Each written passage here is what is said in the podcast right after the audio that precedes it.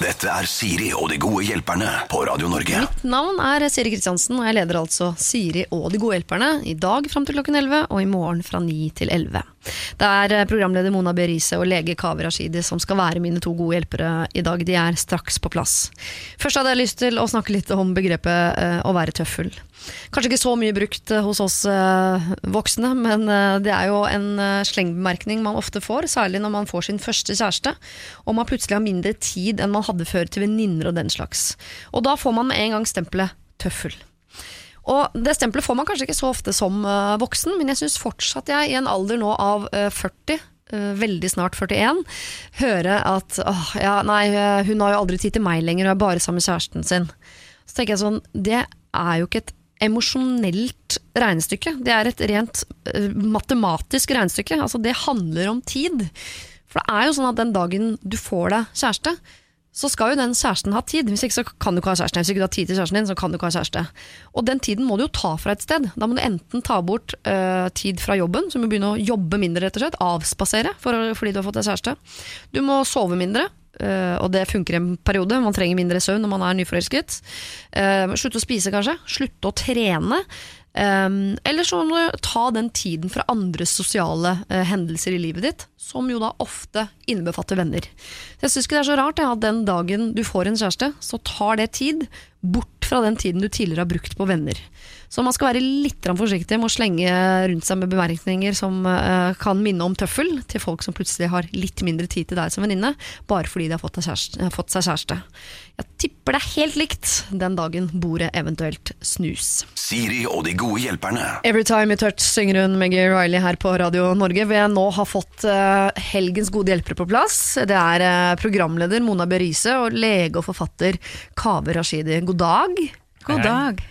Mona, du er jo eh, programleder. Altså, en ting er at du er med i, eh, i Sangstjerner. Da er du jo ikke programleder, men en slags eh, dommer. Stjernekamp. eh, Hva sa jeg? Du sa eh, sangstjerner. Ja, det var ikke, det var ikke så verst. Det kunne vært et eh, annet. Kunne fint vært et annet program, men Ja, det det, var et annet program på TV3 for mange år siden hvor kjendiser skulle synge. Men Ja. ikke sangstjerner. Sigrid Bonde Tusvik blant annet var med og sang. sang. ja, ja, Det var helt forferdelig. Ja, det var grusomt. Det var grusomt. Det, det, ja, det er jeg jo hver høst, og det kommer jeg også til å være i høst. Ja. Ja. Men i tillegg så er du radioprogramleder for et program som begynner på mandag. Ja, i NRK eh, P2 så har jeg fått eh, ny jobb, og skal da hver eneste dag snakke om eh, populærkultur. Ja. Og, og Som er det som ligger ditt hjerte nærmest. Ja, det er det. Ja. Så jeg er veldig Nå har jeg sovet lite. Eh, veldig sliten eh, før jeg har begynt. så, Ja. så dette lover godt. Eh, men jeg tipper at liksom kanskje i løpet av den uka så legger nervene seg litt, og at jeg har lært sånn f.eks. det tekniske, sånn som du er veldig god på. Liksom å opp med musikk, inn med, inn med snakk. ja. Eh, Gjesten skal også ha mikrofon, ja, flott. Eh, Så det regner jeg med at går seg til etter hvert. Ja. Men nå er det helt nytt, og jeg er helt sånn tullete i hodet.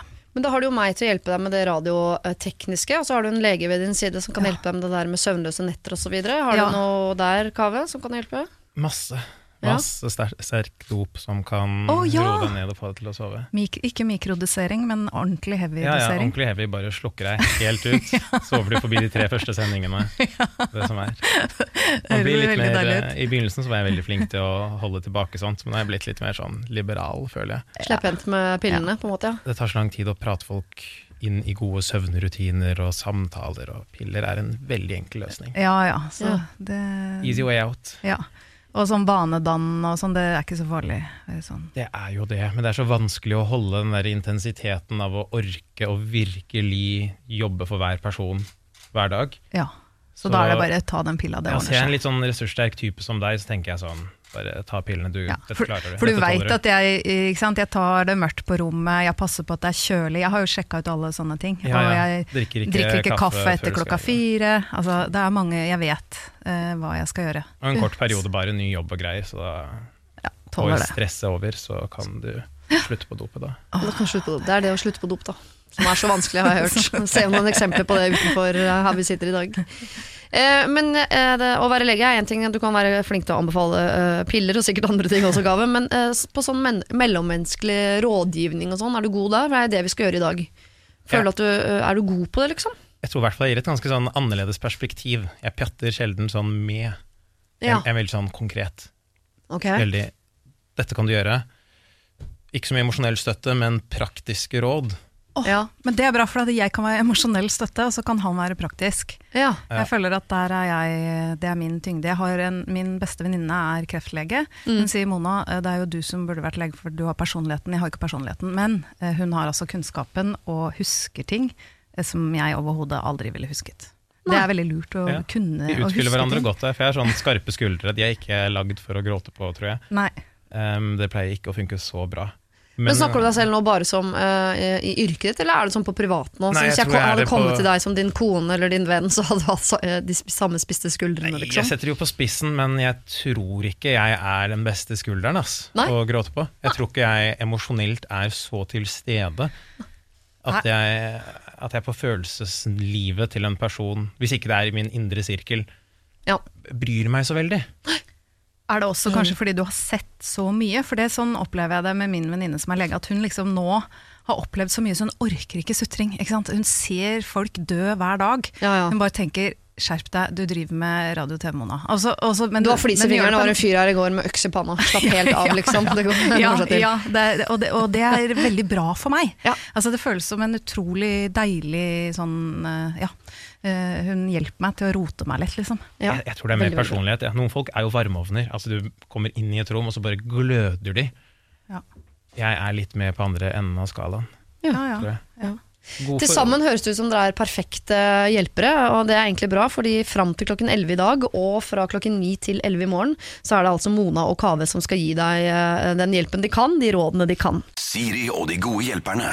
Radio Norge. Vi skal ta et eh, problem fra Emma som er nyforelsket. Det høres jo ikke så problematisk ut, men jeg har lovet en venninnegjeng å bli med dem til Barcelona i sommer. Vi drar ganske ofte på tur sammen, én til to ganger i året. Og det, jeg har det alltid veldig gøy. Jeg har vært hun evig single som alltid har tid til å bli med. Men nå har det endret seg. Jeg har endelig fått meg kjæreste etter fem års tørke. Jeg er 28 år og føler at denne gangen må det bare sitte.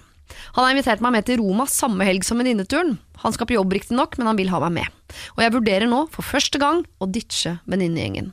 Men skal jeg det?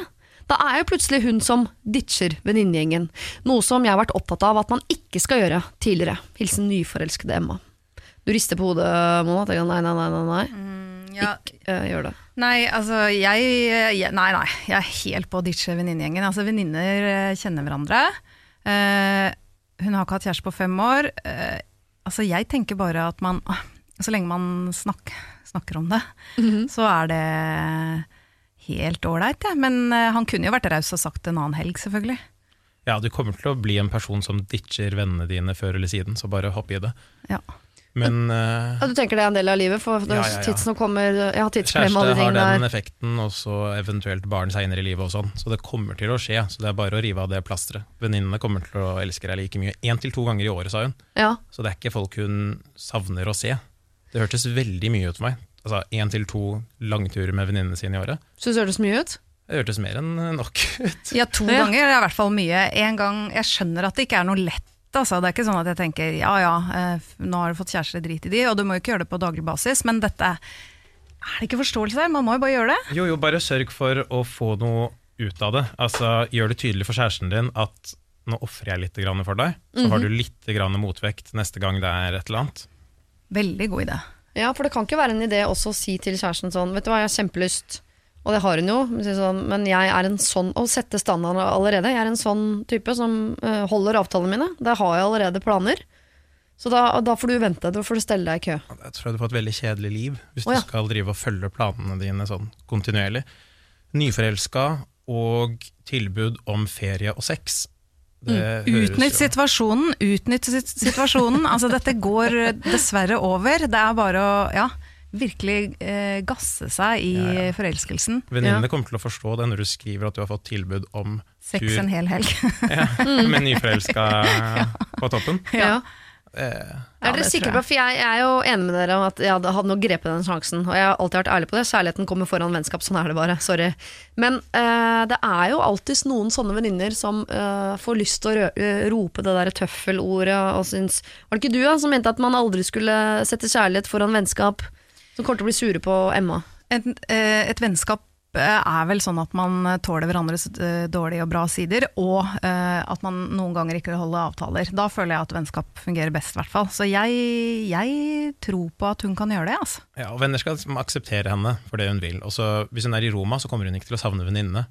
Men hvis hun er med venninnene, så kommer hun til å savne typen og sitte på FaceTime med han to timer om dagen uansett. Så hun kan like gjerne bare være der. Bare snakke om han, de andre Ja. blir gærne i huet. Det er verre, altså. Det er verre. Det kan bli veldig slitsomt å snakke om hvor fantastisk kjæresten er, og at hun må gå inn på do og gråte litt innimellom. Ja.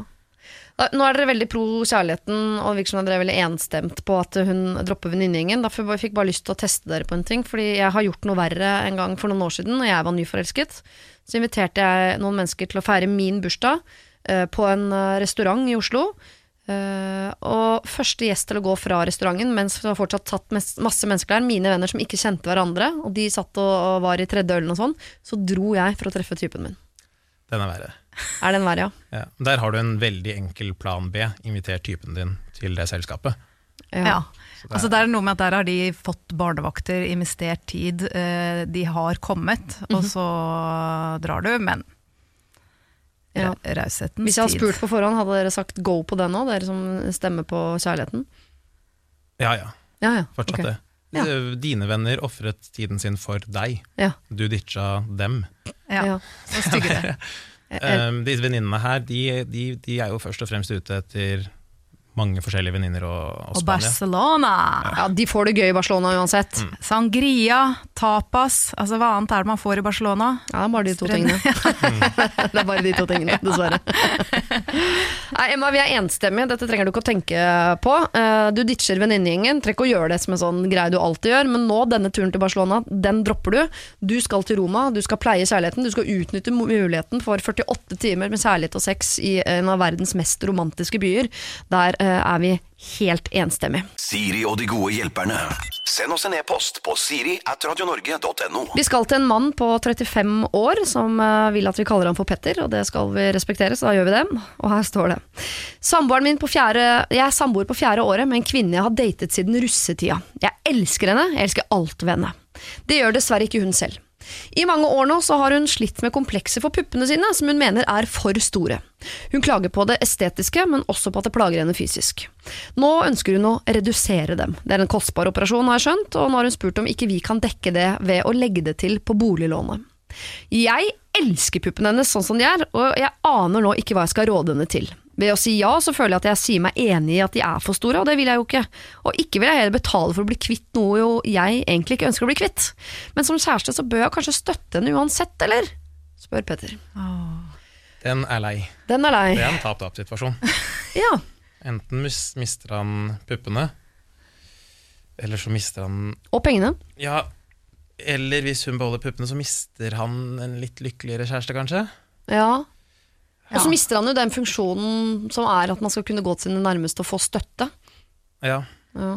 Ja, han var jo redd for nå å liksom si seg enig, fordi at hun da, tilfelle hun inni seg tenker de er vel ikke så store. Eller altså at hun, du vet sånn Ja, ja. Er jeg tjukk i denne? Henne? Eh, Og så, ja. Ja, ja. At man, hvis noen sier ja da, så blir du jo veldig Selv om du føler deg tjukk. Så, men jeg tenker at eh, hun snakker jo om vondt i ryggen. Og, og sånne ting, og da må man jo nesten ta det alvorlig. Og hun er jo voksen. Mm. Betyr ikke det også at hun sannsynligvis eh, sier dette med å ha tenkt over det? Altså at det ikke bare er en sånn greie om at toppene ser dumme ut, eller noe sånt. Så jeg tenker at han Jeg tror han blir nødt til å ta, spørre henne kanskje mer om det, og ta det alvorlig. ja, start med å alle for, for, Råd til mannen, start med å drite i alle ting som har med deg sjæl å gjøre. Ja. Sånn at du mister tilgang til store bryster, at du får et høyere boliglån. Det må du bare glemme. Ja. Det, å, det perspektivet kommer ikke til å føre deg noe sted. Prøv å se hva hun egentlig sliter med. Er det det fysiske eller er det det psykiske? For jeg mistenker at den ene har en stor overvekt. Er det det psykiske ved utseendet som er problemet? Selvbildet, selvfølelsen? Så tror jeg ikke puppreduksjon er veien å gå. Men hvis det faktisk er ryggsmerter, ryggplager, da kan du stikke til fastlegen din, altså, for det dekker staten. ja, gjør det det, ja. Ja. Ja, altså det er jo, Da må hun jo rett og slett eh, Eller eh, han må snakke med henne og, og, og finne ut av det, eller få Kanskje snakke med en lege. Ja, pass på ikke å gjøre noen bjørnetjenester. Å fikse på kroppen for å fikse på sjela er en dårlig løsning. Ja, for det, er det jeg tenker at Kanskje Petter skal investere istedenfor å investere penger i denne brystreduksjonen, så kunne han investert enda mer tid i å få henne til å føle seg flott nok som hun er, liksom. Selv om jeg, jeg leser jo Petter som en fyr som han, Jeg elsker henne, jeg elsker alt ved henne, jeg elsker puppene hennes. Han høres ut som en fyr som egentlig er ganske flink til å gi komplimenter og flink til å få henne til å føle seg elsket, men jeg vet jo hvordan han er øh, annet enn i skriftlig form. Så jeg bare tenker, øh, kan han bruke Sjekke om han kan få henne til å ikke slite med liksom, det estetiske? Ikke hvis det bare er puppene. Sånn hvis hun generelt har lav selvfølelse og ikke føler så mye om sin egen kropp, Mm. kjør på. Få henne til å føle seg elsket og vakker. Mm. Hvis det bare er puppene, så tror jeg ikke du kan liksom gjenta 'puppene er fine, jeg liker puppene', og få noe endring i hennes øh, egen formening om de brystene. Da. Nei, det handler jo om hvordan hun føler seg. Så selv om det fysiske er viktigst, så eh, ja, det er jo et psykisk aspekt ved dette som Altså hun må jo også da finne ut av hvordan hun kan være fornøyd hvis det ikke ja. Men hvor saklig er det at hun har vondt i ryggen pga. det, eller er det eh, Nei, ofte noe man bare Ja, det er vanlig, ja. Ja, ja. Og da kan en reduksjon være løsningen på fjerner, Hvor mye fjerner man da? Spørs hva man blir enige om med kirurgen. Halv Eh, kilo? Nei, 200 gram? Problemet er at det er strenge kriterier for å få det dekka av det offentlige. Du må ikke veie for mye av alle ting. Det er som en BMI-grense på det der. Ja. Hvor du må ha generell vektreduksjon først, for da pleier puppene å følge etter. Og minke i størrelse. Mm. Og så er det vel det at du skal ha eh, plager som ikke døyves av sånn fysioterapi og smertelindring og andre enklere, skånsomme tiltak. Ikke. Paracet. Ja, hvis Paracet gjør susen, så får du ikke dekka operasjonen av staten. Nei. Nei. Men sjekk det i hvert fall først, da, eh, Petter, om, få, om disse fysiske plagene er så store at hun faktisk kan få det dekket av staten. Da slipper du å tenke på det økonomiske aspektet. Eh, Men det høres ut her som om du som kjæreste bør støtte henne i noe som hun går og sliter med. For det høres ut som du er flink til å si at du elsker henne, og at du faktisk elsker både eh, alt ved henne, puppene hennes og alt, men hun gjør ikke det, og da hjelper det ikke. Så da må du legge deg selv til side et lite øyeblikk, og så må du eh, være der for henne, eh, i hvert fall på andre siden av det legebesøket som vi anbefaler henne å ta, da, for å sjekke om dette er noe hun kan få dekket. Du rakk en hånd i været, Mona. Ja, nei, men jeg, jeg har faktisk to venninner som har tatt uh, puppereduksjon. Ja. Og det jeg bare kunne si, er at de ble utrolig fine og spretne etterpå. Jeg har ikke sett på maken. Ble bra brød? Skikkelig bra brød. Bare så det er sagt. Liten Det kan hende, Peder, hvis du er glad i bra brød, så kan det hende du også liker disse puppene etter denne brystreduksjonen. Siri og de gode hjelperne. Send oss en e-post på siri at radionorge.no. Nå er det liksom vanskelig å spille Madonna òg, bare fordi vi så henne på Eurovision og det var så innmari dårlig. eh, Så synes jeg det er vanskelig å spille Madonna. Det er vanskelig å spille Michael Jackson, fordi man har sett dokumentarer om han. Og snart så vet jeg ikke hva man skal spille av musikk lenger, uten at man assosierer det med et eller annet eh, som gjør det hele vanskelig. Fjerne musikkopplevelsen. Det er så vondt. Du Mona er vel stor Madonna-fan i utgangspunktet? Tar jeg bare en Absolutt. bråsjanse på? Nei, ja, absolutt, absolutt. Men uh, hun har aldri kunnet synge rent live, så jeg er ganske raus der. Fordi det hadde jeg aldri forventa, selv om det selvfølgelig er uh, veldig stygt. Så du er ikke noe mer skuffa nå etter Grand Prix enn du egentlig var før Grand Prix, sånn uh, henne live? Nei, altså ikke, Nei, egentlig ikke. Man blir vel ikke noe bedre av å, til å synge av å bli 70, liksom? Nei, absolutt ikke. Å danse, ordne og styre. Nei da. Så det var ikke sånn sjokk, men det er jo selvfølgelig litt trist. Særlig når hele verden bare tenker hva er det hun holder på med, nå må hun gi seg. Måtte du dukke opp fra de døde med det der, liksom? Kunne ikke bare forsvinne inn i Hun prøvde med- som vanlig gjøre noe politisk, og tok opp eh, palestinsk flagg og israelsk flagg, og musikk binder folk sammen, og Ja, det er flott, da. Det er flott. Det er flott, det, da. installasjonskunst, alle greiene der. Ja. Kjapt spørsmål bare, når jeg først har en lege i studio. Blir stemmebåndene også slitt når man blir eldre? At det blir vanskeligere å synge rent? De blir slappere. De blir slappere, Ja. Det er Alt vanskeligere å treffe. Alt blir slappere. ja. ja. Og så, eh, Man kommer jo ofte ikke så høyt opp, så veldig mange sangere når de blir eldre, eh, liksom Mariah Carey og Whitney Houston, sånn, måtte slutte å ta de der eh, høye tonene. Så Mariah Carey på konsert har jo de på bånd. Yep. Nei, sant? Ja, ja, så de blir bare spilt av når den tiden, tonen kommer, for der kommer ikke hun opp lenger. Bare se, på de, se på de mannfolka som synger til de dør gamle, som Leonard Cohen-typer. ja. Han ligger på en sånn monoton bass i de siste albumene sine. Det blir dypere og dypere og dypere. Da liker jeg det bedre og bedre òg, faktisk. Jeg liker de dype tonene bedre enn de høye. Ja, da, men da lønner det seg å ha noen nye låter, og ikke ta de som du eh, sang da du var 19. Det er det. Nei, det er sant. Eh, vi skal til Kristine, dere. Hun er en jente på 26 år som har et lite problem, sier hun. Jeg er så sinnssykt forelska i en fyr som er ti år eldre enn meg. Vi er sammen minst en gang i uka og oppfører oss som et kjærestepar når det bare er oss to. Men de gangene jeg møter han ute med sine venner, har han en tendens til å overse meg. Og jeg tenker at det kan være at han tenker på aldersforskjellen, at det er flaut, eh, og ikke vil nevne det for sine venner.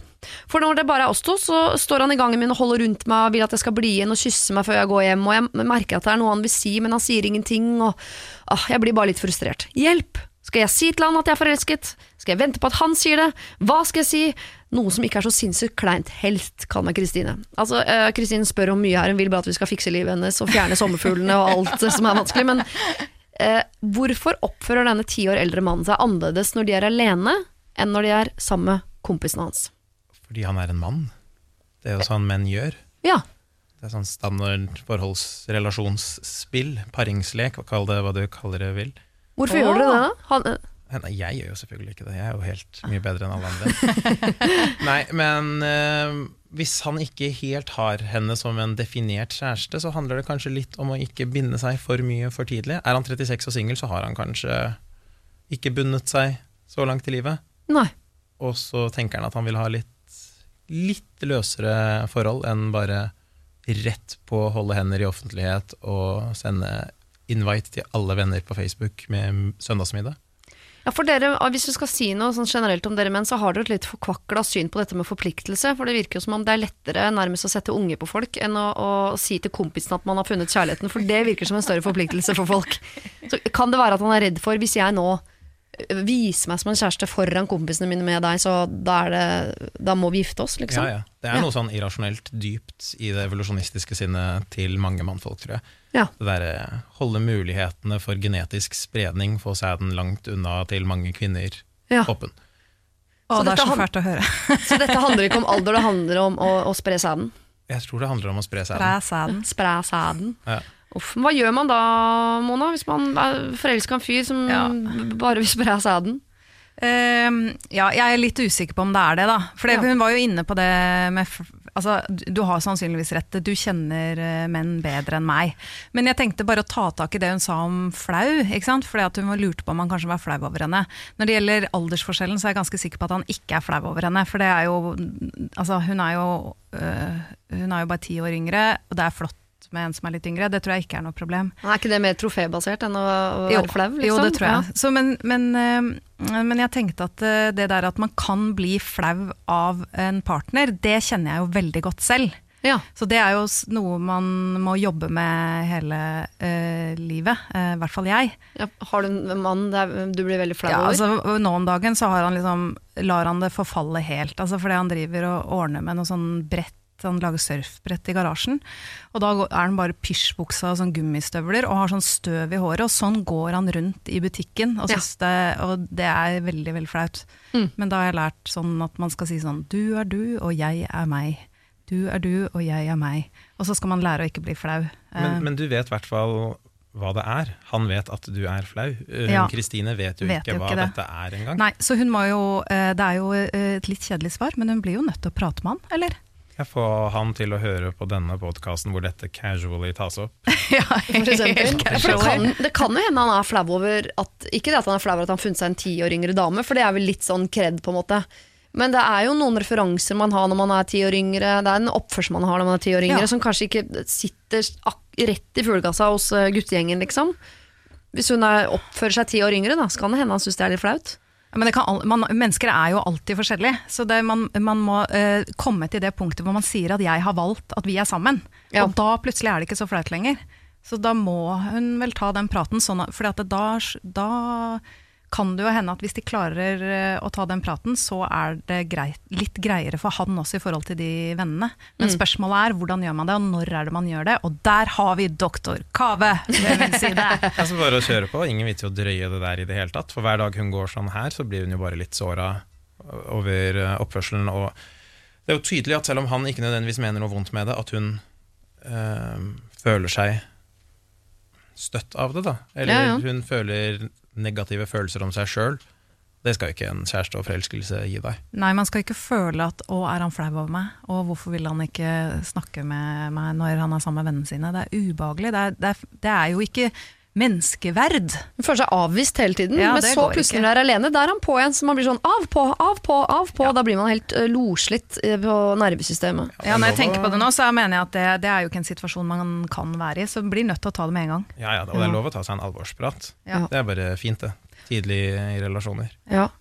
Kristine, vi tror ikke han er flau over deg, at du er yngre. Det kan hende han har litt sånn forpliktelsesangst, at han tenker at her må vi ta det litt rolig, jeg kan ikke vise det offentlig ennå, da blir det så innmari alvorlig osv. Uh, men at du er forelsket, det syns vi du skal si. Altså Den praten må dere ha. Du må spørre han om hvorfor han oppfører seg som han gjør, og du må være helt ærlig på dine følelser. Du skal ikke vente på at han skal si det. Altså, Tenk så flaut for han, han er ti år eldre, han burde jo være tøffere enn deg og mer frampå. Det er han ikke, Kristine. Du må ta, eh, du må ta litt sånn styring der og fortelle han hva du føler. Både av de fine følelsene, men også de avvisningsfølelsene som du kjenner på når dere er sammen med hans kamerater. Siri og de gode hjelperne. Lisa Ekdal, eh, Hvem vet, synger eh, hun og du hører på Radio Norge, hvor eh, jeg, Siri, for øyeblikket sitter alene, mine to gode hjelpere har tatt seg en velfortjent kaffepause. Og det er greit, fordi jeg har tenkt til å skru klokka en uke tilbake i tid.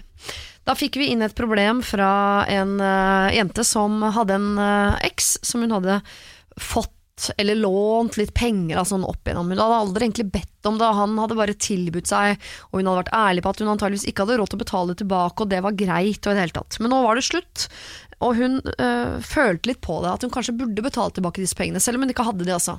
Bare for å få han helt ut av øh, hodet. Så det jeg spør om er altså, skal jeg tilbakebetale 35 000 som jeg ikke har, bare for å få denne fyren ut av hodet? Det var øh, Tore Petterson og Mari Maurstad som var mine gode hjelpere forrige helg, og her er noe av det de mente kunne være lurt. Alt man gjør i en sånn prosess, er fordi at man skal ha muligheten til at Jeg, jeg bare merker, jeg merket det på meg selv også, at jeg kunne sende sånn dustete meldinger. Sånn, jeg fant et sånt brev du glemte igjen her. Det var bare for å få lov til å ha kontakt med han. Så det er jo litt det som er greia. Du vil jo bare ha noe med han å gjøre. Ja, altså, de pengene er bare en unnskyldning for at fordi hvis hun skal tilbakebetale dette, så må hun jo ha kontakt med han. Ja. Så hvis hun later som at dette er noe jeg gjør for å bli kvitt han, nei, dette er noe du gjør for å uh, surre han inn i livet ditt igjen. For han skal inn i et Excel-ark hvor det står noen summer og noen datoer og noe greier. Så jeg tenker at jeg, jeg vil heller jobbe en halvtime med meg sjøl på sånn De 35 000 kronene skal jeg kose meg med, de ser du aldri. Jeg er overbevist. Jeg er overbevist. Ja, hun må være tøffere. Hun må være tøffere. Hun, til, hun gjør det for å få han tilbake inn i livet sitt. Og Jeg- det gjør bare vondt verre. Ja. Da, for at Hver gang man har kontakt, så går man litt til null igjen. Bare drit i det håpet. Hvis han har gitt deg så mange sjanser Uh, Han har deg på gress, nemlig til han har funnet deg noe annet. Det er det som skjer. Og pluss at hun har dårlig råd, og han har jo ikke det. Sånn at uh, det betyr ikke så mye for han Nei. som det vil skade henne. Dette var altså noe av det Tore Petterson og Mari Maurstad mente kunne være lurt. Og hvis du vil høre hele problemet og hele uh, hjelpebolken, så kan du laste ned podkast fra 18. og 19. mai. Fått en ny mail fra uh, denne jenta som skriver altså uh, Jeg har hørt på, og jeg var veldig glad for at dere tok det opp.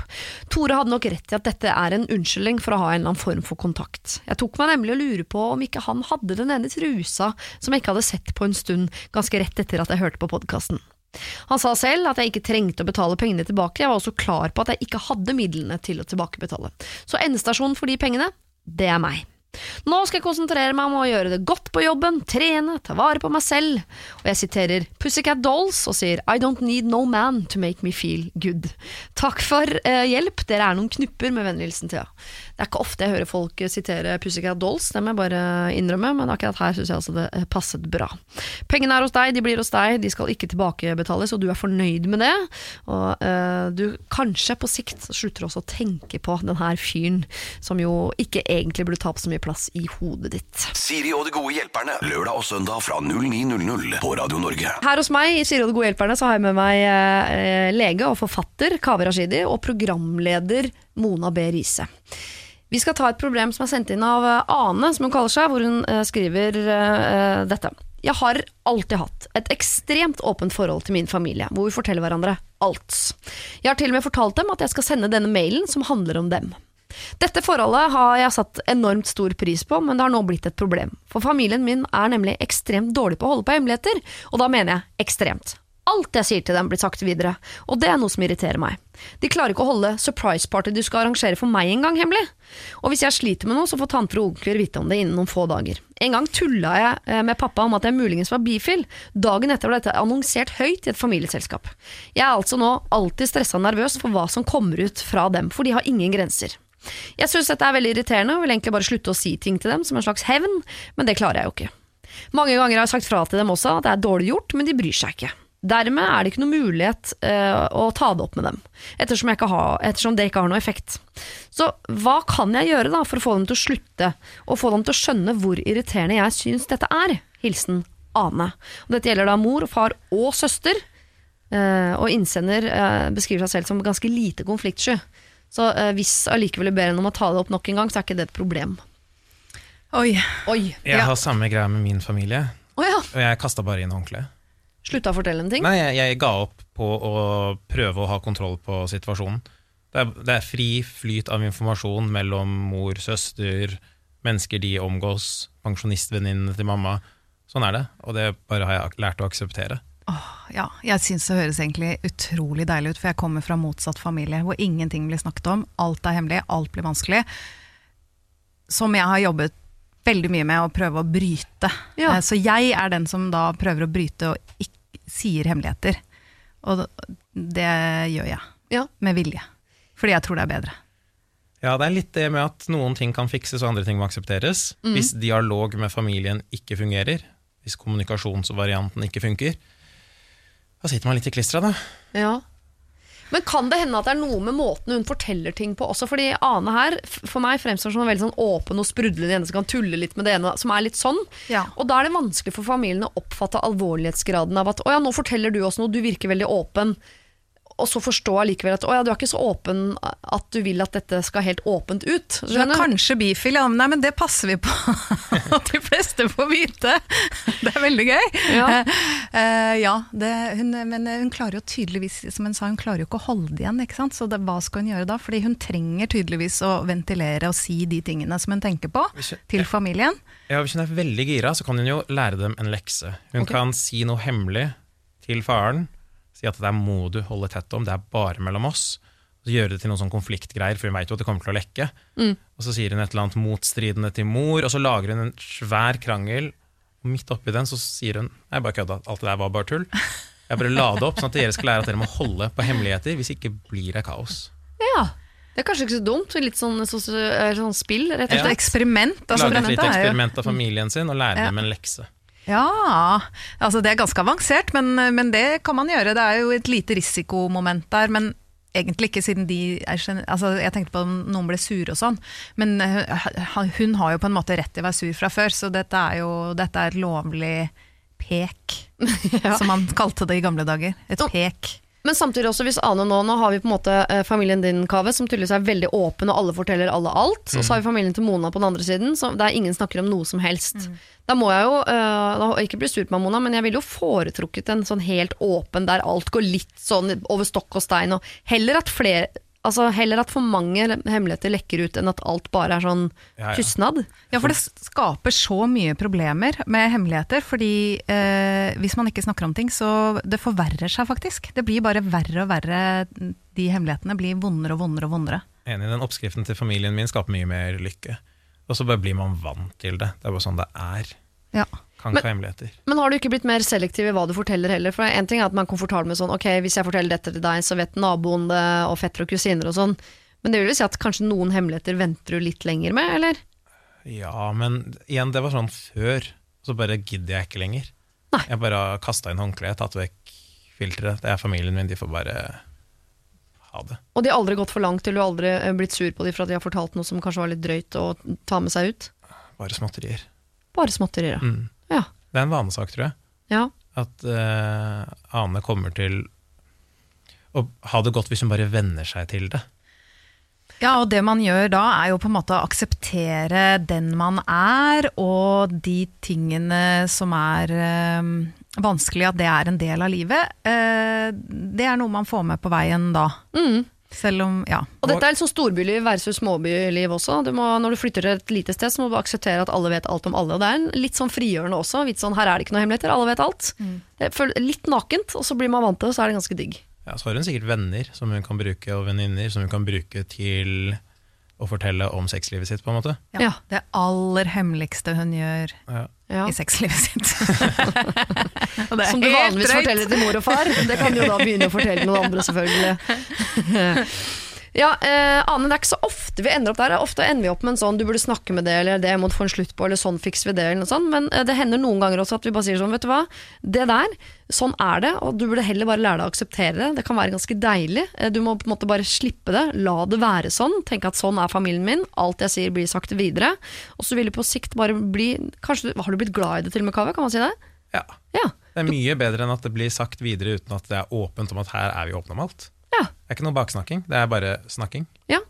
Du blir glad i det på sikt, Ane. Eh, altså, du kunne også hatt det på andre siden, sånn som Mona, hvor ingen snakker om noen ting. Det er visstnok da mye, mye verre. Så kos deg med den familien du har. Fortsett å dele hemmeligheter, men slutt å irritere deg over at hemmelighetene også blir brakt videre. Siri og de gode hjelperne.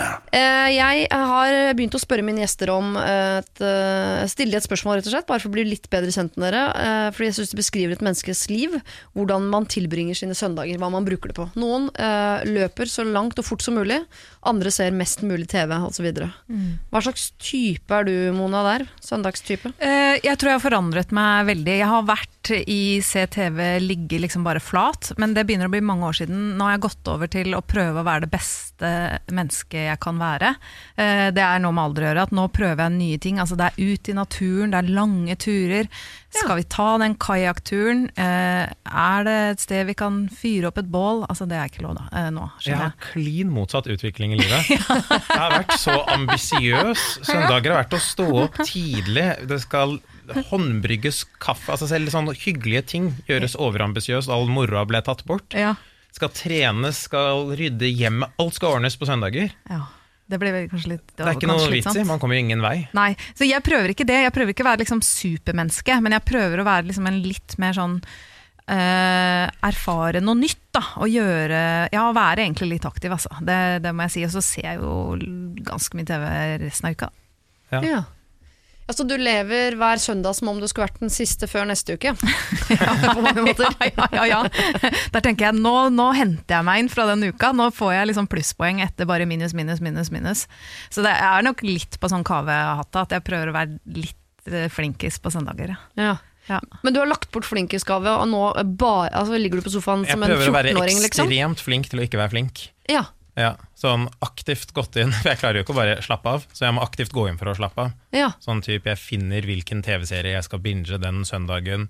ja. Jeg sørger for å ha enten drukket nok alkohol eller trent hardt nok på lørdagen, sånn at jeg fysisk er ødelagt på søndagen og blir bundet til seng og sofa. ja. Sånne ting. Jeg må liksom slappe litt av. Ja, for den tida der trodde man jo ikke man skulle få tilbake den tida hvor du faktisk kunne ligge i sengen en hel søndag, og det var ingen i verden som merket det. Altså, Når man kunne bestille pizza fra Peppes bare fordi man var ikke sulten, man ville bare ha cola levert på døra. Nettopp, Man må nyte den mens man kan. Kanskje jeg skal begynne med det igjen likevel? Høres litt deilig ut, Ja, nå syns jeg det var litt sånn fristende. Ja. Nei, men det ligger nei, nei, nå skal jeg prøve å lære meg å padle kajakk og sånn. Fader heller. Jeg får jo ikke tid ellers. Det er liksom den søndagen. Ok, Så Mona padler kajakk på søndager. I hvert fall intensjonen er å padle kajakk på søndager. Eh, Yes. Mm, Kava har lagt bort alle intensjoner, Uh, vil helst bare binche et eller annet og bli liggende på sofa. Kanskje det er den nye formen for flink? Å være flink til å ikke være flink? Mm. Retroflink? Retroflink. Kanskje flink du kan gjøre nå, si. New age-flink. Ja, et eller annet. Vi er her for å løse problemer, eh, dine problemer. Hvis du sender eh, inn, da bruker du min mailadresse som er eh, siri Siri og de gode hjelperne. Send oss en e-post på siri at radionorge.no. Vi skal eh, ta et litt ekkelt problem. Eh, jeg har faktisk vært borti dette problemet tidligere, men ikke i eget privatliv.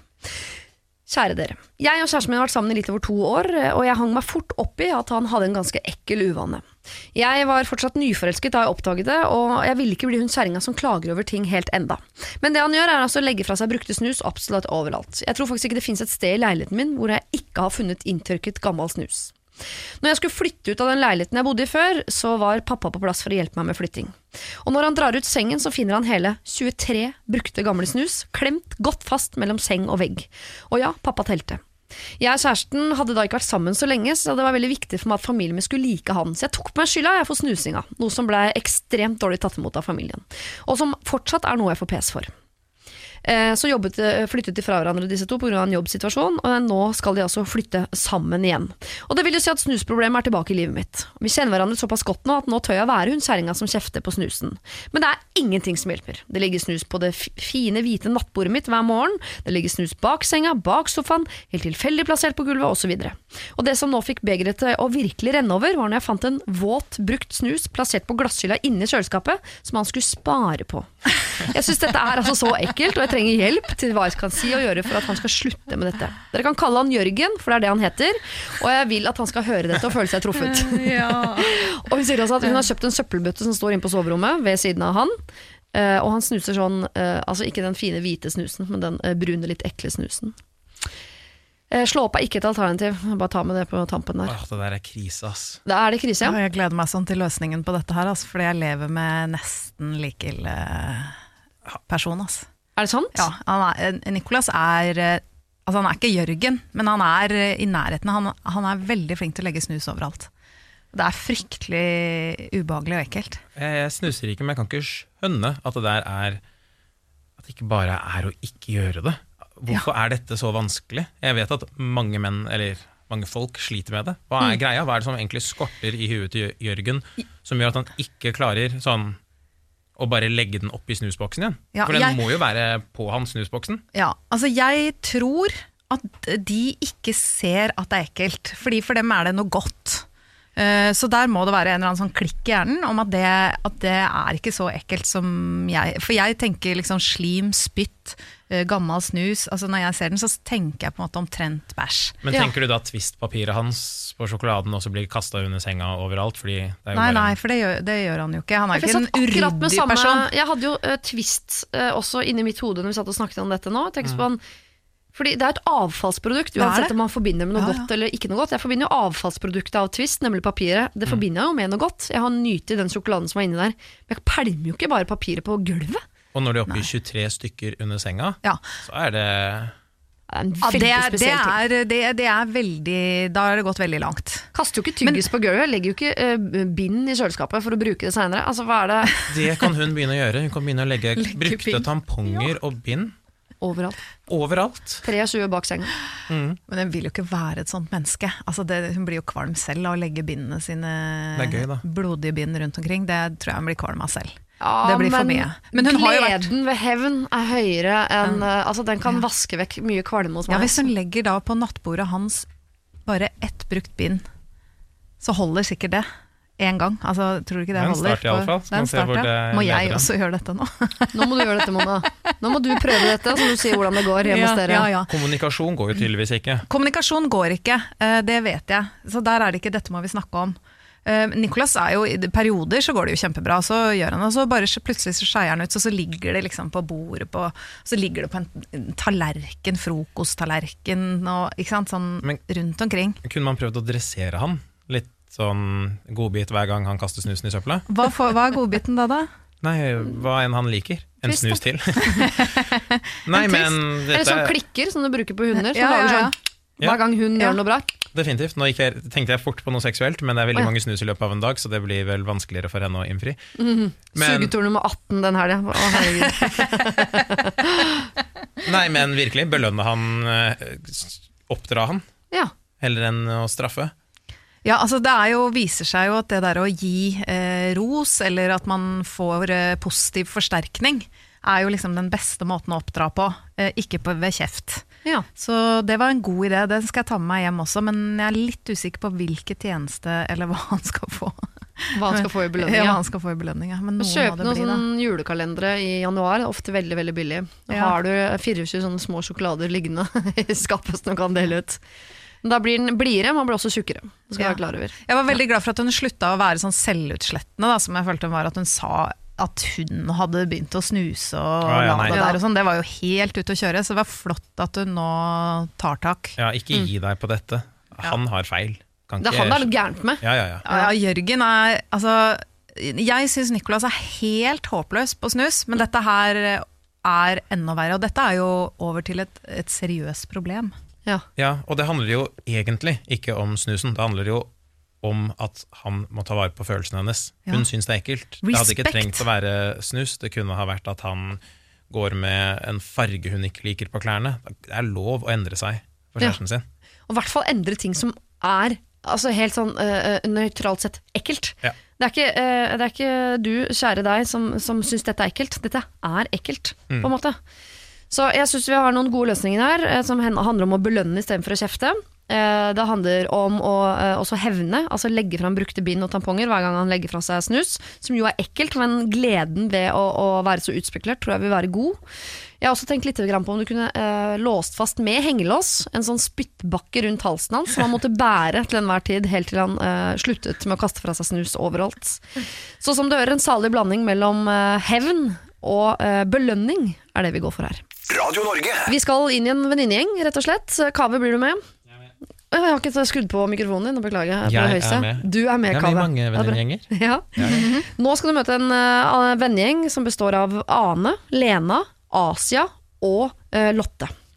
Vi er en venninnegjeng på fire som bor sammen. Alle er gode venner, og vi har det som regel gøy sammen. Problemet er Lotte.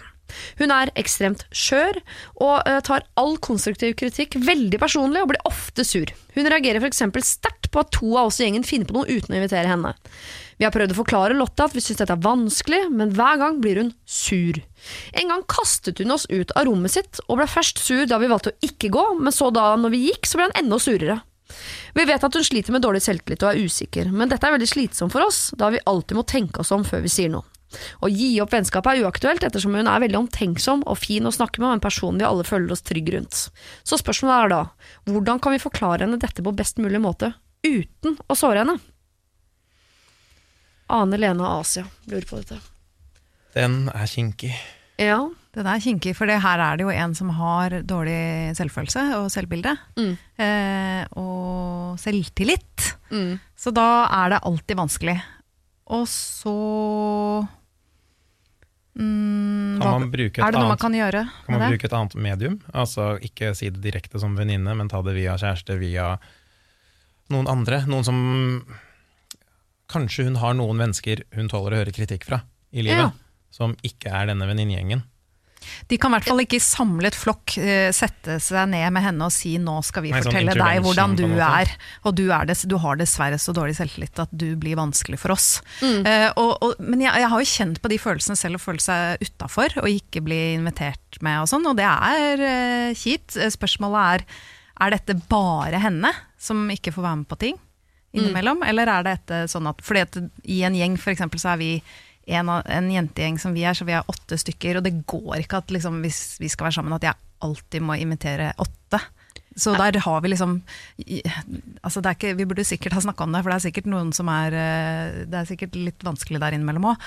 Helt sikkert noen som er sure på noen. Ja, ja, ja, men det er det. Det sier seg selv. Men, men da mm, eh, Jeg har tenkt at liksom, det går jo ikke å være åtte, så vi må bare innimellom så er det noen som er sammen, og noen andre. Og da noen ganger så blir jeg misunnelig, for noen har gjort noe skikkelig gøy, og så har ikke jeg fått være med. Men da skjønner jeg jo at sånn er det jo. Jeg har øvd på de greiene og bestemt meg for at jeg ikke skal være en sånn som blir snurt når noen finner på noe uten meg. Fordi jeg er helt enig når man er mange i en gjeng, så må man bare godta at det er ulike liksom, eh, fraksjoner Eller ikke fraksjoner, men ulike gjenger i gjengen, på en måte. Noen i venner bruker det til det, vi er glad i å gå på kino mens vi går på tur. Noen reiser du med, noen har eh, barn på samme alder. Det er masse forskjellige uh, ting inni der. Men jeg har alltid bestemt meg for at hvis jeg skal invitere uh, ikke alle åtte, så kan jeg i hvert fall ikke invitere flere enn fire uten å invitere alle. Oh, ja, det var en ganske bra regel å ha en sånn Ja, det var bra, for det, det er nettopp det at hvis det er bare er henne som ikke får være med mange ganger, da er det jo de som også burde gå i seg selv og kanskje tenke ok, burde vi løse det litt grann annerledes? Ja, her er det jo fire, da, og noen er ganger så er det to og to som finner på noe. Og det har man jo lyst noen ganger, og bare to og to finner ja, på noe. må de få lov til. Det må de få lov til. Ja, men da er det to som er med, og to som ikke er med. Og Lotte føler på dette. Må Lotte bare føle på det? Eller hvor mye hensyn skal man ta? Hva syns du, Kave? Jeg klarer ikke helt å sette fingeren på om Lotte sliter med noe, om man burde være veldig empatisk og bry seg om henne, Mm. eller om hun bare sånn ikke er en like god match med de andre, personlighetsmessig. Mm. For da trenger, da, man ikke å, da trenger man ikke å ta så mye hensyn, fordi det er jo ikke alle som klaffer like godt sosialt. Og mange mennesker klaffer man godt med når man er i en gjeng med mange, Mm. og så klaffer man sjukt dårlig én mot én. Ja. Kanskje Lotte er en sånn person som bare ikke funker én mot én, men som er kjempefin å ha når det er Ja. Når de er fire. Ja, Jeg skjønner, og, øh, og noen ganger så er det jo sånn i livet at man liksom dropper noen venner øh, nettopp derfor fordi man ikke er så god match, og det må være lov. Men samtidig her så kan de jo kanskje tenke er det også de som nå er litt sånn at de har satt henne i en bås og, og holder henne ofte utenfor? Ja, Det er vanskelig å si, men jeg tenker i hvert fall at uansett så er det uh, De er fire. Noen ganger finner de på noe, de to, de to, de to, at det kanskje varierer. Men forskjellen er at Lotte føler på det, det gjør ikke de andre. Og da på, hvis det er sånn, da, så vil jeg på et eller annet tidspunkt bare prøvd å gjøre henne trygg på at vi er, vi er veldig veldig glad i deg, men det, vi kommer ikke til å ta hensyn til at du syns det er vanskelig at to og to finner på noe, for sånn kommer det til å være. Fordi det, Det er ikke Tre et- stykker kan jo ikke gå rundt og ta hensyn til at det er én som syns det er vanskelig at Det ting er høres som det er. veldig dra drama ut å ta det der opp. Høres veldig sånn kvinnekollektiv ut. og det er det de liksom- er. Ja. Det er ikke den måten Kaveh hadde gjort på. Nei, jeg tenker det er litt sånn den manndommelige varianten av å mer ignorere problemet, drikke øl, Mm. og bare ignorere det inntil det komplett eksploderer opp i, i selskap. Ja, det går jo Jeg Foreslår du Nei, jeg er tydeligvis veldig konfliktsky, men dette virka som en kjip, kjip konflikt å måtte ta med Lotte. Ja. Er Jo, men da, Jeg tror ikke vi er så langt unna hverandre på hva jeg mener, for jeg mener jo at eh, Ane, Lena og Asia skal på en måte ikke eh, bli med på Lotte sine greier her. At Nei. Lotte syns det er vanskelig. De skal fortsette å møtes to og to. De Ja. skal ikke ta det hensynet til Lotte, for dette er Lotte sitt problem. Ja. Men de kan jo godt bruke litt tid på å gjøre Lotte trygg på at hun er en venninne de setter pris på. Det er en veldig god idé. At de på en eller annen måte eh, i hvert fall eh, betrygger henne i at det ikke er fordi de syns at hun er helt håpløs og at de ikke gidder å være sammen med henne, men at det er fordi at det er, noen ganger er det naturlig å bare være to, og ikke at man er eh, alle sammen. Så Ja. kan det hende at det går inn det ene øret hos Lotte og ut det andre. da. Så er Absolutt. det litt mer for å gjøre seg sjøl komfortabel og ha god samvittighet, enn for faktisk at Lotte får noe hjelp av det. Men det er ikke noe gærent i det heller. Nei. Men det er jo først, og fremst- dette er et problem Lotte har, som ikke nødvendigvis du, Ane, du, Lena eller du, Asia, kan gjøre noe med. Så jeg syns dere ikke skal ta så liksom Dere skal ikke gå liksom på tå rundt henne. Dere skal sørge for at hun føler seg elsket, men dere skal ikke gjøre om på det greiene med at dere av og til møtes to og to. Det må være lov, mener jeg. Hvis du har et problem, du som hører på, så send det gjerne inn til meg. Min mailadresse er sirialfakrøll.radionorge.no. Siri og de gode hjelperne. Radio Norge. Her i uh, Siri og de har jeg med meg to lokale helter, vil jeg påstå. Lege Kaveh Rashidi og programleder Mona B. Riise. Og uh, treff Frank. Frank er en godt voksen mann som har vært gift i 16 år. Og han skriver Min kone og jeg er veldig forskjellige. Jeg liker å oppleve og se nye steder og treffe nye mennesker. Hun vil bare være hjemme. Kanskje se barne-TV. uh, ikke barne-TV, men barnebarn av og til. Hun vil ikke se barne-TV. Uh, hun ber meg til stadighet om å slutte med disse ønskene. Da vi ikke finner på noe felles, så ender ofte opp med de samme samtalene, og jeg har prøvd å få ting tilrettelagt, men tydeligvis ikke godt nok. Så mitt spørsmål er, bør jeg finne meg en turvenn eller venninne? Eller skal jeg skille meg og begynne å reise? Eller må jeg bare akseptere at jeg aldri får oppleve noe annet enn jobb og hus? Forslag? spør Frank. Wow. 17 år. 16 år har vært gift. 16 år. Å ja, men da er det ingenting. Det er gøy å sette Nei, grensa da er der. det ikke noe, da er det ikke noe å snakke om. Hold ut! Ett år til. Ja. Ehm, så, så kjipt å gå 16 år og så sitte med den i fleisen, at dere har ulik Helt forskjellige, og så Ja. På noe så grunnleggende. Altså det er jo, dette er jo personlighet. Hvor opptatt er man av nye opplevelser, nye inntrykk, nye stimuli. Folk er forskjellige. Jeg tror i hvert fall ikke han skal prøve å endre henne nå etter 16 år. Det tror ikke jeg heller. For å starte med det man ikke skal gjøre. Ja. Jeg tror jo at man kan være veldig forskjellig og være sammen, og at man kan være veldig glad i hverandre og elske hverandre høyt, selv om man, har selv om man er forskjellig og vil forskjellige ting. Mm. Men det må være såpass eh, mye i bånd der. Dette hørtes jo dessverre litt sånn eh, traust eh, kjedelig ut, eh, ikke bare pga. den reisinga, men at det liksom bare var å sitte i sofaen. Ja. Um, men men det, han sier jo ikke noe om, eller gjør han det, at, hvor mye han elsker henne eller ikke? Det blir ikke nevnt. Nei, det blir ikke nevnt. Nei. Nei, Det fordi at, fordi at jeg tenkte jo at man kunne hatt en Jeg ser ikke noe gærent i at man kan ha en reisevenn. Eh, hvis, eh, hvis man vil reise og man er klar over at det, altså dette forholdet det vil jeg ha fordi at det gir meg såpass mye fint. Men jeg fikk ikke det inntrykket av den mailen. Nei. At det gir meg såpass mye fint, for han lurer jo til og med på om han skal skilles. Men Frank slår meg altså uh, i måten han skriver på. Det er korte setninger, mye punktum. Han slår meg som en ganske nøktern type. Så jeg Ja. tror nok at Frank er en sånn fyr som Han har fortalt kona si at han elsker henne, og hvis det forandrer seg, så skal han si ifra. Altså, skjønner du typen? Så jeg tenker at uh, Frank er helt fornøyd med kona si. Det er bare at han vil reise, oppleve nye steder, nye mennesker. Men det vil ikke kona.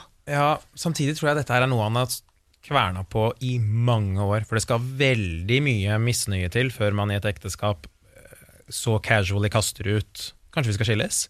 Ja. Altså, Det er ikke noe du kommer på etter et halvt år eller et år med dårlig stemning. Nei, for jeg, tenk, jeg tenker jo at eh, det han kunne ha gjort, var jo på en måte ok, finne ut hvor går grensa hennes. Kan hun liksom ta en tur til Sverige, eller altså noe sånn litt mindre utfordrende, da. At Mm. kanskje så Fordi det kan jo hende hun har litt Nå, nå driver jeg og psykologiserer, men at hun, har, at hun syns det er skummelt, da. Ja. Og at hun må liksom øve seg litt, og så finne ut at hun syns det er skikkelig gøy. Eh, men det virker veldig hard vei. Da må, hvis du skal gidde å gjøre det, så må det være fordi at eh, Han elsker henne der, veldig. jeg. Nei, jeg, det er- jeg tenker liksom aksepter henne for den hun er. Et menneske kan ikke oppfylle alle dine behov og krav. Finn en reisevenn som kan oppfylle opplevelsesdelen din. ja. Håp at det er greit for eh, henne at du har en venn, ikke venninne. Det er bra du sier, si? for dere, dere var veldig konkrete på reisevenn. Han foreslo også reisevenninne her. Det tror jeg bare eh, jeg, jeg skulle ønske vi levde i en verden hvor det var like naturlig, men jeg tror ikke det at du, Frank, får en reisevenninne Nei, reisevenn tror jeg blir enklere, og det kan jo være minst like hyggelig. Det spørs jo hva han er ute etter, selvfølgelig. Jo, men hvis vi snakker bare eh, opplevelse, eh, ja, så er det helt klart at han er en reisevenn. Det hadde vært kjempebra, men så er det jo det. Er hun bra nok til, eller er forholdet deres sterkt nok til å Ja, Men på, på samme måte som at han må akseptere og ikke pushe henne til å være noe hun ikke er, finne seg en reisevenn, Mm. så må hun akseptere at han trenger en reisevenn. Ja. Hun må sitte aleine på sofaen. Sånn er det bare. Han er ikke en type som sitter på sofaen. Så da får hun bare akseptere det og la han ha en reisevenn. Det er ikke noe snusk i det. Han har bare lyst til å oppleve ting, og det er ikke alltid så gøy å oppleve ting aleine. Og det er en fin test også å ta, tenker jeg, at det er første steg før vi hopper til skilsmisse. Eh, Så er det fint at du drar og reiser med en venn, og så føler du litt på sånn Når den reisen er over, gleder du deg til å komme hjem til kona.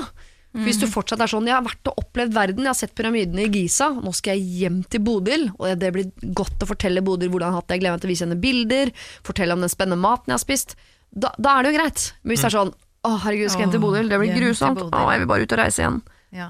Da kan vi godt ta opp det der skilsmissegreiene igjen, tenker jeg da. Jeg syns det høres helt riktig ut. Uh, når jeg sa det der med at man kunne teste småturer, så var det, det var egentlig referanse til at jeg nå plutselig er liksom uh, vannets kvinne, uh, kajakk som da, eh, og så videre, som Nicolas har vært veldig glad i i mange år, men som jeg da har protestert på fordi det ikke var meg. Men så viser det seg at jeg syns egentlig det er helt fantastisk. Jo, men man kan inngå et kompromiss også, tenker jeg. Selv hvis han vil til Himalaya og hun vil gå ut på kjøkkenet, så kan de i hvert fall godt gå en uh, tur i nabolaget. Liksom. Det kan møtes litt på alle. For jeg er enig i at han kan ikke forandre henne, men jeg syns ikke at hun skal forandre han heller. Og hun, eh, på en eller annen måte, selv om jeg skal ikke sånn sett ta parti, men jeg syns det er bedre om Frank får kona til å, å, å oppleve mer, enn at kona får Frank til å oppleve mindre. Hvis vi må gå i en eller annen retning så syns jeg det er dum, dummere å frarøve Frank behovet for å oppleve noe, enn å krydre livet til hun som ikke har de samme behovene, med litt, en snartur til Svinesund, liksom. Ja, nei, for vi har jo bare dette livet, så man må jo ta ansvar for sitt eget liv, da, og det må jo han da gjøre. Han Ja. må gjøre det han har lyst til. Det er veldig viktig. Ikke bli sittende på sofaen og være miserabel, så blir du 88 år gammel og får et hjerteinfarkt og tenker alt jeg kunne gjort. Ja. Ikke sant? Så Men det er ikke så alt dra hun opp på Himalaya heller, Nei. hvis hun koser seg i sofaen på mange Nei. måter. Nei. Nei. Frank, inngå noen kompromisser, se om det er noen ting dere kan gjøre. Eh, Kan dere padle kajakk, liksom? Finne, finn deres kajakk, som jeg kommer til å bruke som et bilde framover en kort, kort periode.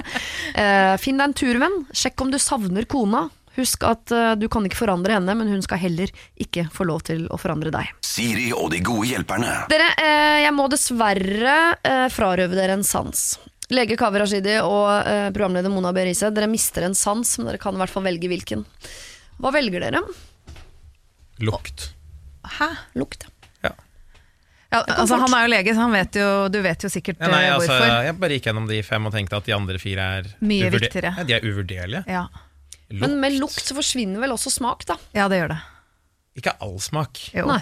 Mye smak, ikke all smak. Er det ikke sånn at, jeg, jeg, har sett sånne, jeg husker sånne leker som vi tok, hvor liksom du spiser tomater, og så har, hold, eller så har du Ja. sånn nesklubb, ja, da aner du ikke hva du spiser. Nei, men du tror ikke at du spiser kebab.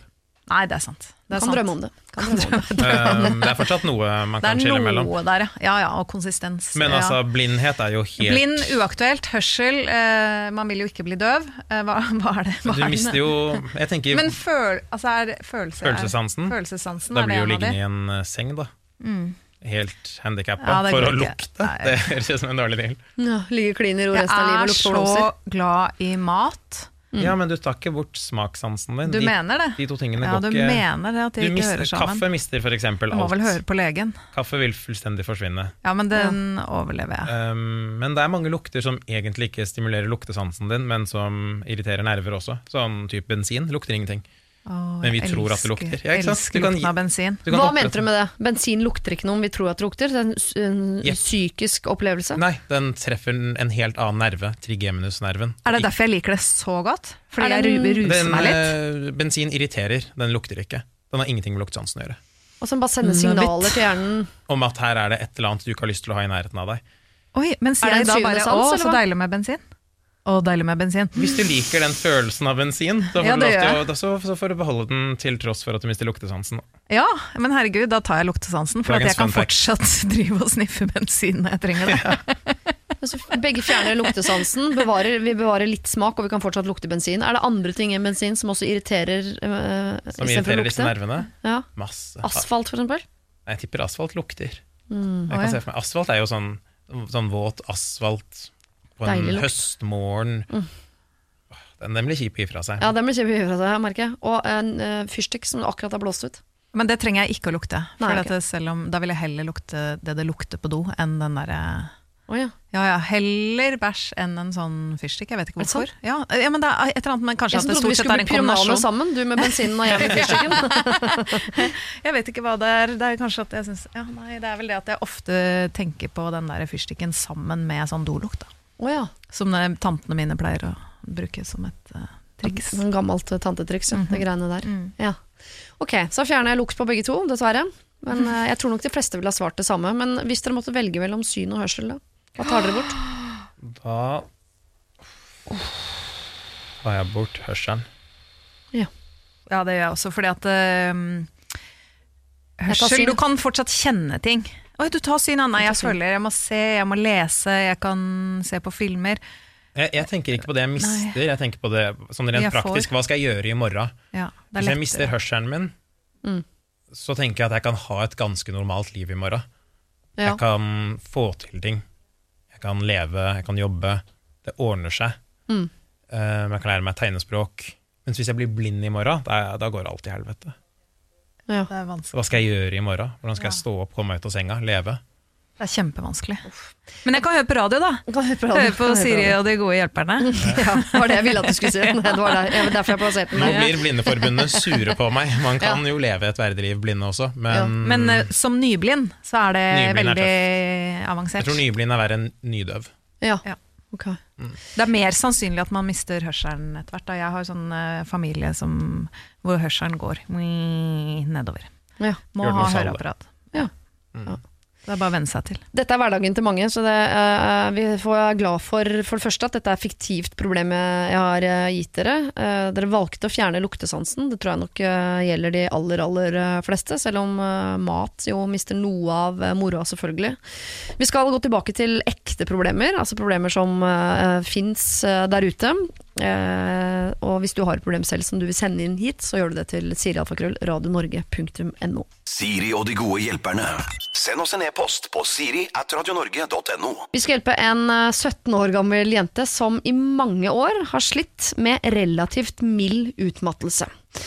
Eh, De har ikke funnet ut av hva som forårsaker denne milde utmattelsen. Derfor bestemte jenta seg på 17 år for å henvende seg til en psykolog for å se om utmattelsen kunne ha bakgrunn i noe eh, psykisk. Problemet kom da jeg skulle på min andre psykologitime. Psykologen min skulle oppsummere forrige time og sa Ja, Linn, forrige gang kom vel fram til at du har sosial angst. Så da tenker jeg at vi fortsetter på det temaet. Jeg skjønner ikke helt hvor han fikk den konklusjonen fra, for jeg kan aldri huske å ha fortalt at jeg har noe angst, og jeg er 80% sikker på at jeg ikke har sosial angst. Men det kom så brått på, og da klarte jeg selvfølgelig å bare si meg enig i konklusjonen om angst. Jeg fikk panikk, og i over en time så satt jeg og jugde og fant opp ting i forhold til hvilke symptomer jeg har når angsten kommer osv. Hvilke situasjoner jeg pleier å få angst i og sånn. Med andre ord, jeg svarte ut fra hvilke symptomer jeg har sett at folk på TV sier at de har. Han sendte meg flere undersøkelser om sosial angst, som jeg besvarte, og jeg løy og løy. Og helt siden dette uh, har jeg fortsatt løgnen om at jeg har sosial angst. Så er spørsmålet mitt da, hva kan jeg gjøre? Jeg prøver uh, å si til foreldrene mine at jeg vil bare slutte å gå dit, men de mener at jeg må forklare situasjonen. Jeg kan ikke plutselig bare komme dit og forklare at jeg har jugd gjennom flere timer, brukt opp hans tid på å høre på mine falske symptomer. For da kommer han i hvert fall til å tro at det er noe gærent med meg. Da har vi plutselig mange flere problemer enn angst. I tillegg ønsker foreldrene mine å dra på samtale med han alene for å forklare alt som har skjedd. Hvordan kan jeg redde meg inn her? Hilsen fortvila Linn. Vel, eh, Det, jeg jobber jo som psykiater for tida, ja. så jeg har mange av disse lange pratene med unge mennesker som sliter med det ene og det andre. ja. Hadde noen kommet til meg og sagt sånn Du, det siste halvåret med terapi vi har gjort, bare kødda. Jeg hadde bare syntes det var litt morsomt, det. Litt Ja. sånn ah, Interessant. det var nytt. Og det er vel nesten noe i seg selv, det. Altså, hvorfor klarte du ja, å Det må jo være noe usikkerhet. fortsette med Ja, og, og, men det er vel sånn når du sitter der at du tenker at det er spennende å høre hva de egentlig mener. Eller sånn, og at de kan si sånn er du, Jeg er ikke sikker på om den diagnosen jeg fikk er eh, riktig. jeg». Mm. Eh, og så eller også spørre deg hva, hvorfor. Hvorfor eh, sier du at jeg har dette? Nå har han jo faktisk på, oss sagt alle grunnene selv. da. Jo, for fortvila Ja. Lina høres jo ut som en ganske Lin. spennende case, liksom. Ja, og du kommer uansett ingen vei med å dekke noe over for behandleren. Nei. Det funker ikke. Det funker aldri. Så bare det, det blir bare verre neste uke, så bare gjør det nå. Men jeg liker jo å tro at man ikke klarer å lure psykologen heller. At psykologen har uh, visst dette. Man klarer det, altså. Er Det er så lett. Det er ingenting til. Det er bare å vite riktige svarene på de riktige spørsmålene. Har du sett eh, noen deltakere på reality-TV, eller? Det er jo relativt lett å si at ting går greit, og så ser du dem på TV, så skjønner du at det går ikke helt greit. Og i hvert fall vice versa. Det er kjempelett. Og hvis du har lyst til å bli lagt inn på et akuttpsykiatrisk sykehus fordi du er suicidal, Ja. bare gå og si de riktige tingene. Jeg er suicidal. Jeg vil bli lagt inn på et Ja, ja, og så får du et par oppfølgingsspørsmål. Ja, hvordan har du tenkt å drepe deg selv? Kjøpt et gift. båttau på Claes Olsson, ligger klart hjemme. Det, det, er bare å lyve. Ja. Det er ikke verre enn det. Og så er det en del personlighetsforstyrrelser som liker det. Ja. Det er jo en ja. egen sykdom, det. Munchhausen syndrom. Ikke sant? Da liker man å lyve og bli oppfattet som sykere enn man egentlig er. Oh, ja. Ikke at jeg tror hun her har det, jeg tror hun er bare har forvikla seg inn i en litt sånn tangled situation. Ja, kanskje hun har flink pike-syndrom? At hun bare Jeg bare svarer ja på de spørsmålene selv, og så, så sjekker jeg Men toget er jo liksom litt godt, da. Eller hun har jo allerede gjort dette. Men hun, eh, så det, og hvis hun syns det er veldig vanskelig å ta det opp med denne psykologen, så er det da virkelig ikke noe problem å gå videre til en annen psykolog, eller hvordan er det? Nei, bare begynn på scratch, Ja. men hos en annen psykolog. Det er ikke verre enn det. Du trenger ikke å ta med deg journalen og ballastene fra forrige. Be om en second opinion. Ja, ja for man kan vel eh, bytte psykolog helt til man finner en psykolog. Man, man skal vel følge en viss kjemi? Ja, Det er absolutt. kjempemye å si for at terapi skal fungere, er eh, kjemi. Og hvis hun går dit nå uh, månedlig og bare sitter og ljuger, så tenker jeg jeg tipper hun gruer seg til å dra dit, liksom. Ja, ja, Det hørtes ut som at både hun skulle hatt bedre av å være hos noen andre, og at den psykologen kan bruke skillsa sine på noen andre. Samtidig som hvis hun står fram nå, da. Du vet hva, siste halvåret nå så har jeg bare ljugd. Jeg tror ikke jeg har sosial angst. Jeg, altså, alt jeg har sagt til nå, har jeg funnet på. Så vil jo de ha kommet hverandre eh, såpass nære at den relasjonen de har og kan bygge videre terapi på, er veldig, veldig god, eller? Men hvordan skulle han ha klart å skilt mellom hva som er ekte og falskt? Han kommer ikke til å stole på henne. Han kan godt få den ballen servert, og så kan han, psykologen ta valget om han syns det er vettugt at hun fortsetter på behandling hos han, eller om hun burde bytte. Ja. Eh, Det er ikke, det er ikke rent uvanlig at psykologer og psykiatere henviser til kolleger. Sånn, her kommer ikke vi noen vei, men kanskje du har bedre sjanse på å få et tillitsforhold. Og så kunne hun, ikke sant, og så kunne, hun kunne jo også valgt det, hvis hun begynner hos en annen, så kunne hun jo valgt å fortelle hva som skjedde sist. Mm. Først, sånn at Det er en eh, veldig god idé. Sånn at det er ute der, og så snakke noe om hvorfor det skjedde. For det er jo nesten nødt til å være problemet. Så, eller ett problem, i alle fall. Ja, ja, ja. Det å lyve til psykologen sin over så lang tid systematisk og ikke føle at man klarer å komme seg ut av det. Relativt mild utmattelse. Det må jo være sliv som går og bærer på alle disse løgnene. Det. Høres jo veldig slitsomt ut, da. Men øh, ja, så hun kan faktisk øh, bytte psykolog, men hun kan også, øh, selv om hun bytter psykolog, så burde hun allikevel stå fram med den ljuginga hun har bedrevet siste liksom, måneden eller halvåret. Både til gammel og ny psykolog. Både, ja, som en øvelse faktisk også. Ja. Åh, da må du gjøre øh, det, da. Så er det fortvila Linn. Du må si til psykologen du har at du har ljugd øh, siste tiden, og så må dere sammen ta en avgjørelse på om du skal bli, eller på om du skal gå videre til en annen psykolog. Og hvis du går videre til en annen psykolog, så må du også si til eh, han, henne, eh, hva du bedrev hos den forrige psykologen. At du drev og jugde og nærmest skrøt av sosial angst hos den forrige psykologen. Eh, og så får du se om dere klarer å finne ut av eh, hva som egentlig er problemet ditt. Og så syns jeg det var rart at denne psykologen allerede på andre time bare slang en diagnose i bordet. Eller? Det er rart. Er ikke det litt rart? Det er kjemperart. Så det kan jo hende det er greit å bytte psykolog. Høres nesten ut som han har fått liksom overskriften på blokka si, eh, bomma på det, at det er en annen pasient han trodde kom inn på den andre timen. Og i den duren. Ja. Litt sånn, Hei, takk for sist, du har sosial angst. Altså, det, det bare gikk som en litt sånn jump to Ja, ja, ja. conclusions-greie, rett og slett. Linn, you go! Du, eh, det høres ut som du skal bytte psykolog, eh, men det betyr ikke at du er unna problemet ditt. Det betyr ikke at du ikke skal si dette. Du må krype til korset både her og der, men bytte psykolog kan nok kanskje være en god idé likevel. Eh, Jeg sier tusen takk til eh, helgens gode hjelpere, Mona og Kaveh. Tusen takk for at dere har villet hjelpe meg med å hjelpe det norske folk denne helgen. Det var veldig hyggelig. Jeg håper det ble noe hjelp, ja. Veldig stas å være her. Ja. Og så ønsker jeg deg lykke til med premiere på P2 i morgen, Mona. Tusen takk! Dette er Siri og de gode hjelperne på Radio Norge.